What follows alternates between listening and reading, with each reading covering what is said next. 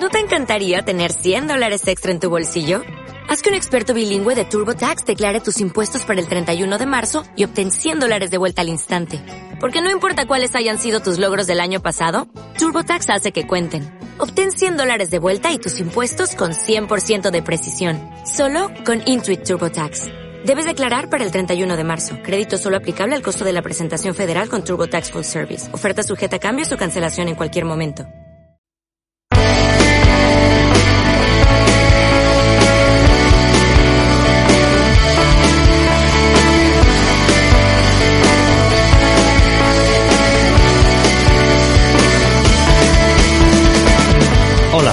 Y bienvenidos al podcast del CEI Pazorín de Cano.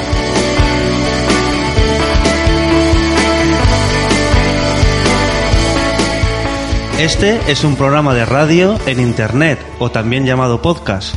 Yo soy Miguel Ángel, maestro de este colegio y sin más empezamos. Este va a ser un podcast diferente porque no va a ser grabado por alumnos, sino que vamos a ser maestros y el orientador del centro quienes vamos a hacerlo. Vamos a hablar un poco de nuestro trabajo y concretamente de la incorporación de alumnos de tres años. Por eso, hoy tenemos de invitados al orientador del colegio, Chimo, y a Julia, coordinadora de educación infantil.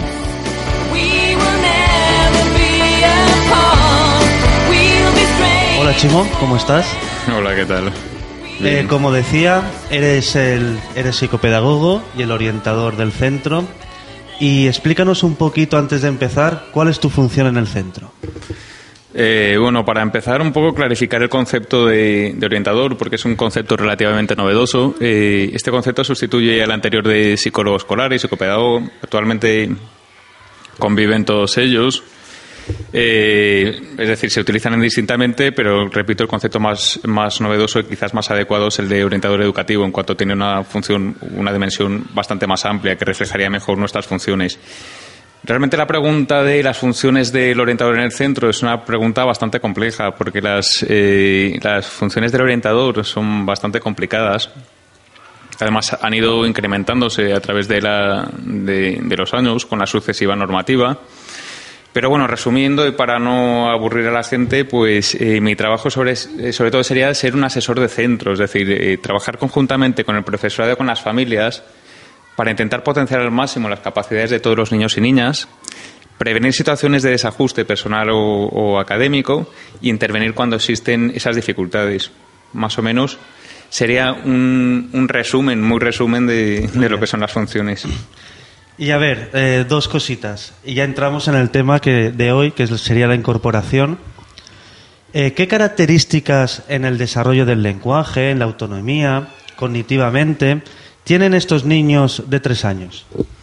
Bueno, pues los tres años realmente es una, una etapa donde los especialistas eh, hablamos en desarrollo crítico, es decir, aquí se produce, es una de las etapas de la vida donde más cambios se producen, eh, donde más avances se producen en, en la persona.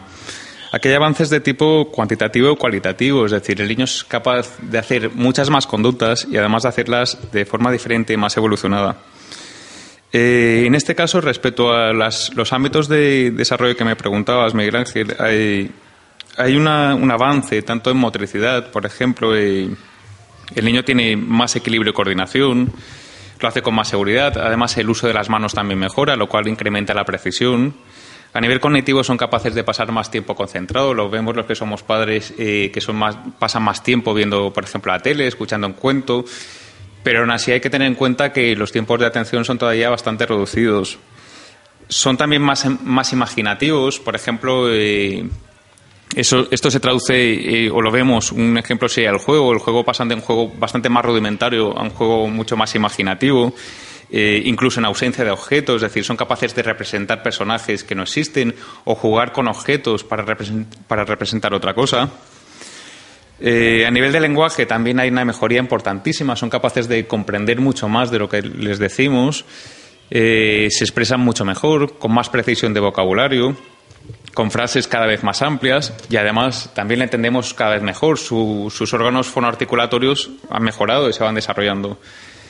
Respecto a la autonomía, son capaces de hacer por sí mismo cada vez más cosas, de colaborar con nosotros, pero este es un punto donde realmente la autonomía eh, no basta con tener la capacidad. Es importante que nosotros como padres también fomentemos y desarrollemos esa capacidad. Es decir, ser capaz no significa que lo haga. Debemos exigirle en la medida de lo posible. A nivel social todavía son niños muy dependientes de los padres, especialmente de la madre, que es generalmente la que ha pasado más tiempo con él pero cada vez demuestran más interés en, su entorno y en otros compañeros. Es frecuente con los compañeros comenzar a compartir objetos, pero al mismo tiempo surgen las disputas ligadas a la posesión de ese objeto. Es decir, si te dejo un objeto y lo quiero después, te lo voy a coger directamente. O realmente a lo mejor estás jugando con un objeto y yo deseo ese objeto y también te lo voy a coger directamente.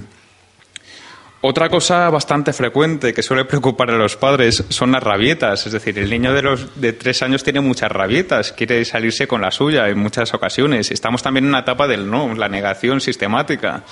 Eh, no quiere ducharse, no quiere recoger. Eh, cuando vamos a, una tienda quiere compulsivamente un objeto y pide que, se lo compremos. Eh, a lo mejor incluso se, se tira al suelo. Yo en este caso recomendaría, aun siendo, eh, no habiendo fórmulas que son iguales para cada niño, sí recomendaría sobre todo estrategias que seguramente son las que mejor van a funcionar. Es ignorar estas conductas dentro de lo posible, porque realmente cuando estamos en un supermercado a veces es un poquito complicado eh, ignorar estas conductas.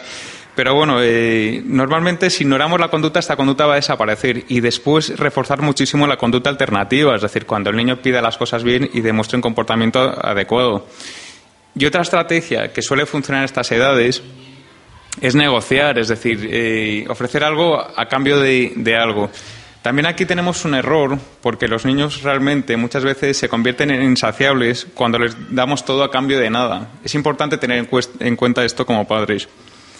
En cualquier caso, eh, dentro de, de, esta progresión en el desarrollo, es importante que conozcamos que a los tres años es uno de los momentos donde también hay muchas variedades en, los niños, es decir, lo notamos eh, cuando entran en infantil, que hay niños que tienen unas habilidades más desarrolladas que, otras, es decir, más adelante se van a equiparar ese desarrollo, pero a los tres años vamos a encontrar muchísimas diferencias y además el rango de desarrollo eh, es bastante amplio va a depender, lógicamente, no únicamente de las características del niño, es decir, de la propia genética, sino va a depender también de las oportunidades, del contexto. Es decir, ya entramos nosotros como educadores y vosotros como padres, por supuesto. Dinos cuáles serían los indicadores que nos tienen que poner en alerta sobre algún problema en este desarrollo del niño.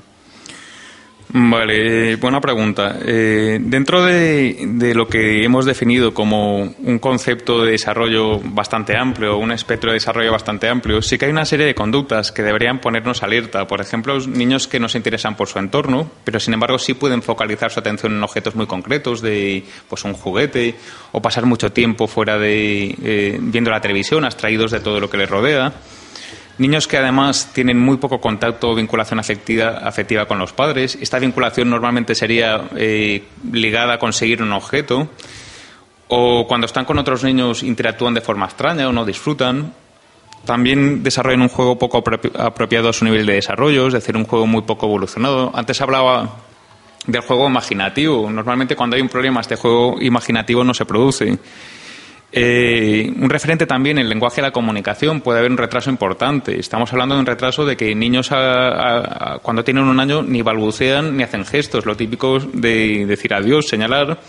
Al año y medio, por ejemplo, no dicen palabras sencillas o sobre los dos años no se expresan con frases, es decir, estamos hablando de frases bastante sencillitas, de, de dos palabras. O bien cuando un niño ha desarrollado todas las habilidades de forma normal y llega un momento, sobre el año y medio, dos años, donde se produce una involución en estas habilidades, hay una pérdida real de estas habilidades. Y dinos, ¿qué hacer si detectamos alguno de estos problemas?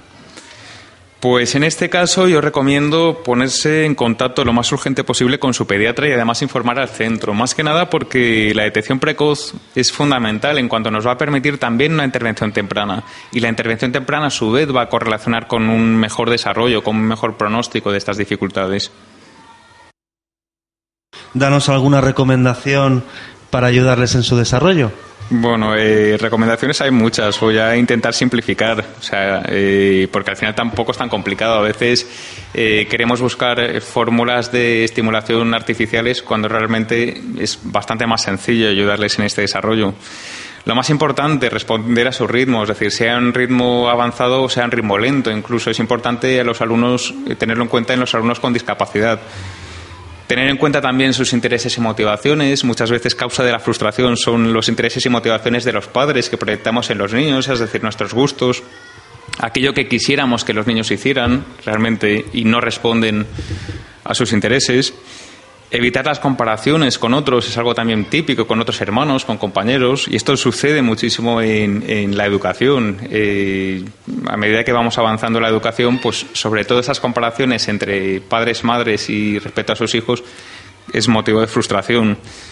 Es importante además que el niño se sienta afectivo, eh, se sienta querido y seguro en su contexto familiar, que sea un contexto familiar además estimulante, despertar su interés eh, con aquello que le rodea proporcionarle actividades variadas, potenciar también su autonomía, lo que me refería antes, es decir, dejar que haga cosas por sí mismo, dar pequeñas responsabilidades dentro de la edad, por supuesto, mantener hábitos y rutinas referidas a, aquellos aspectos más importantes, es decir, pues por ejemplo, mantener los horarios de, de higiene, es decir, la hora del baño, la hora de levantarse, la hora de, acostarse, es decir, no hay que ser excesivamente rígido, pero realmente ese también, eso también le va a dar seguridad a los propios niños y además en el futuro nos va a evitar muchísimas rabietas, porque realmente eh, el niño va a aprender a, tener una estructura de su tiempo, a manejar su propio tiempo.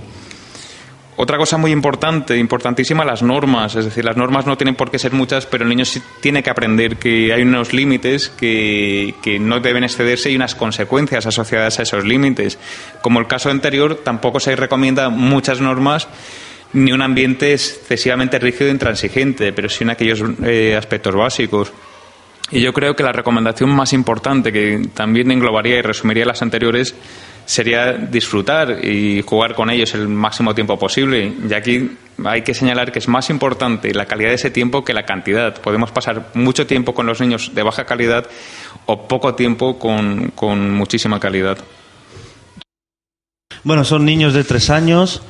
Eh, unos vienen de la escuela de infantil, de la guardería, otros vienen de casa. Eh, ¿Cómo es la adaptación de estos niños al colegio, ya de mayores, al colegio de educación infantil?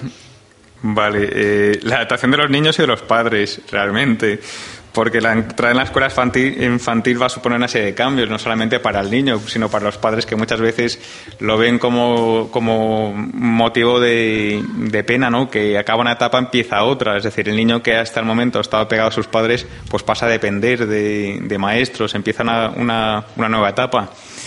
Esta etapa en sí misma, decir que es muy positiva y estimulante, pero no está exenta de, alguna serie de dificultades en algunos casos. Es decir, pueden aparecer reacciones emocionales y conductuales como lloros, aislamiento, no querer venir. No querer venir. Eh, esto no aparece en todos los casos porque va a depender también del propio temperamento del niño, de cómo trabajemos eh, los, padres previamente este aspecto o si han ido progresivamente aceptando normas eh, en la guardería. Eh, si aparecen en cualquier caso es normal y es esperable que vayan a desaparecer con el tiempo. Si no desaparecen con el tiempo, también tenemos aquí en el colegio los mecanismos para favorecer esa adaptación. ¿Y qué consejos darías a los padres para una buena adaptación? Mm, vale, pues consejos también muy básicos. Eh, sería importante ahora que, empieza el verano, o sea, que tenemos todavía dos meses por delante, anticipar ese cambio, es decir, pues establecer una visita, eh, acompañarle para ver las instalaciones, por aunque sea eh, por fuera del centro, hablar con él de lo que se va a encontrar, contar un cuento, hacer un dibujo sobre, sobre un colegio. Es importante también cuando empiece septiembre no introducir cambios importantes en la vida del niño, a no ser que sea estrictamente necesario, es decir, por ejemplo, pues cambiarlo de habitación, cambiar de casa, etcétera. Al principio, si los padres pueden, también sería recomendable que, lo trajeran, porque eso le va a dar seguridad. No en todos los casos es, es posible, pero bueno, si es posible también es una recomendación. Podría dejar también que llevara al centro su objeto o su juguete favorito, si, si así lo desea, porque va a ser un vínculo que va a mantener con, con la casa y le va a dar seguridad. Nosotros como padres he comentado que también necesitamos una, un proceso de adaptación. Entonces es importante no transmitir al niño esa ansiedad e inseguridad que, nosotros mismos sufrimos y no alarmarse si surgen pequeñas dificultades. Simplemente será que está adaptándose en ritmo distinto. Y repito, si a un niño le cuesta adaptarse en el centro dispone de los mecanismos necesarios para eh, canalizar. Eh, también aquí el consejo fundamental es mantener una buena relación familia-escuela. Yo creo que es uno de los principios más básicos. Eh, aquí muchas veces tendemos a vernos como partes eh, diferentes de un mismo proceso. Realmente somos un continuo. Todos trabajamos buscando exactamente el mismo objetivo. Entonces esa relación debería basarse en la confianza de los docentes a los padres y de los padres a los docentes, el respeto, la comunicación. Yo por mi experiencia digo que gran parte de los problemas que se producen sobre todo, sobre todo entre padres y centro educativo, es por una falta de comunicación y la colaboración conjunta. Es decir, repito, compartimos el mismo objetivo y es importante que trabajemos en la misma dirección. Julia, explícanos cómo es la incorporación estos primeros días del alumnado de tres años. Bien, en primer lugar, hay que entender que la incorporación del alumnado de tres años en el centro de educación primaria es una vivencia importante para los niños, como comentaba Chimo. Por eso, este periodo es planificado por el equipo docente. En la primera semana se van incorporando progresivamente los alumnos en grupos reducidos. El primer día entrarían cinco niños, el segundo día se mantendrían los cinco primeros y entrarían cinco nuevos, y así sucesivamente hasta acabar el grupo. Además, durante la primera semana el horario no es el habitual del centro, los niños van a clase desde las 9 hasta las 12. Esto tiene dos razones principales. Por un lado, conseguimos que los niños no se agobien durante su primera semana, ya que ellos la noción del tiempo no la tienen tan asimilada. Y por otro lado, los maestros aprovechamos la jornada de 12 a 2 y media para realizar las entrevistas a las familias de los alumnos que van a entrar al día siguiente. De esta manera conseguimos un primer contacto con los niños y ayudamos a que no tengan tanto miedo a la entrada. Es importante destacar que durante este primer mes, en septiembre, en cada clase de tres años cuenta con la figura de apoyo en exclusiva. De este modo, también los niños se pueden atender mejor. Por la experiencia que tenemos, los niños suelen adaptarse en este periodo. Unos tardan más, otros tardan menos, pero normalmente en un mes podemos decir que todos están adaptados. En todo caso, registramos cómo ha sido el periodo de adaptación de cada niño, cosa que nos facilita tomar las medidas necesarias en cada caso. Explícanos un poco cómo es la metodología general que utilizáis en la educación infantil. En primer lugar, me gustaría destacar que el objetivo general de la educación infantil en nuestro centro es fomentar la necesidad de aprendizaje que tienen los niños a estas edades, es decir, tenemos que aprovechar esta curiosidad por investigar, por descubrir el mundo y a partir de ahí ir construyendo su propio conocimiento. Para ello, la metodología que hemos elegido en infantil es un aprendizaje por proyectos. ¿Qué quiere decir esto? Presentamos un tema a los niños que sea interesante para ellos o elegimos un tema que sabemos que, les motiva o que les crea curiosidad. Y a partir de ahí vamos desarrollándolo, con ayuda, por supuesto, y la participación de las familias. El objetivo es que cada niño sea capaz de utilizar los medios de los que dispone para aprender cosas nuevas. También utilizamos la metodología de rincones y talleres, en los que los niños juegan y manipulan materiales que les permite desarrollar contenidos. Antes de acabar, me gustaría destacar la metodología de la lectoescritura, porque sabemos que es un tema importante para las familias y que a veces crea un poco de angustia. En primer lugar, me gustaría transmitir tranquilidad a las familias, ya que la lectoescritura es un proceso en el que interviene muchísimo el nivel de madurez del alumno. Entonces, es importante destacar que en nuestra metodología consideramos fundamental transmitir el gusto por la lectura y poner al alcance de los niños la mayor cantidad de textos escritos. Cuando el niño está motivado por la lectura, se interesa en el aprendizaje de la misma. Por ello, animo a todas las familias a que desarrollen, desarrollen hábitos lectores en casa. Un ejemplo es leerle cuentos antes de dormir o visitar biblioteca, acudir a teatros y hacer actividades de este tipo. y sobre todo respetar el ritmo de cada niño. Julia, muchas gracias por venir y volvemos con Chimo. Bueno, nos has hablado de, la, de tu función como orientador en el centro, nos has hablado de la adaptación de los niños de tres años y ahora, eh, si hay un caso de necesidad, ¿cómo pueden los padres ponerse en contacto contigo? Vale, buena pregunta también. Eh, lo normal es contactar conmigo directamente eh, a través del tutor. Es decir, disponemos en el centro de una hoja de solicitud de entrevista con el orientador esta hoja asimismo también está en la página web del centro, es decir, en la pestaña de orientación educativa se la pueden descargar, entregarla al tutor y, atenderemos también el caso en función de la demanda. También decir para que no para no crear falsas expectativas, eh, que desde aquí no lo podemos resolver todo. Hay casos realmente que exceden nuestra competencia. Aquí estamos hablando de un orientador educativo, no estamos hablando de un, psicólogo clínico ni un psiquiatra. Entonces, a veces sí que hay un choque por quizás por esa diferencia expectativa. Eh, aquí trabajamos en el tema educativo y puedo puedo ser un asesor educativo, pero que muchas veces las soluciones y recetas mágicas que buscan los padres pues no, las tenemos, intentamos, pero que, a veces es un poco complicado responder a todas las demandas.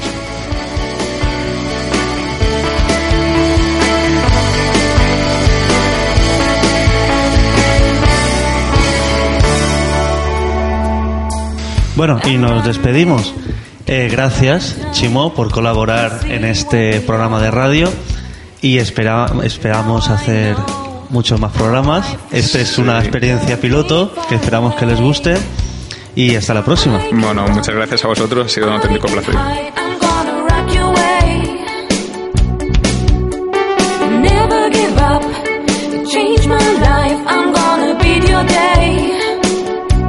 I try to be so brave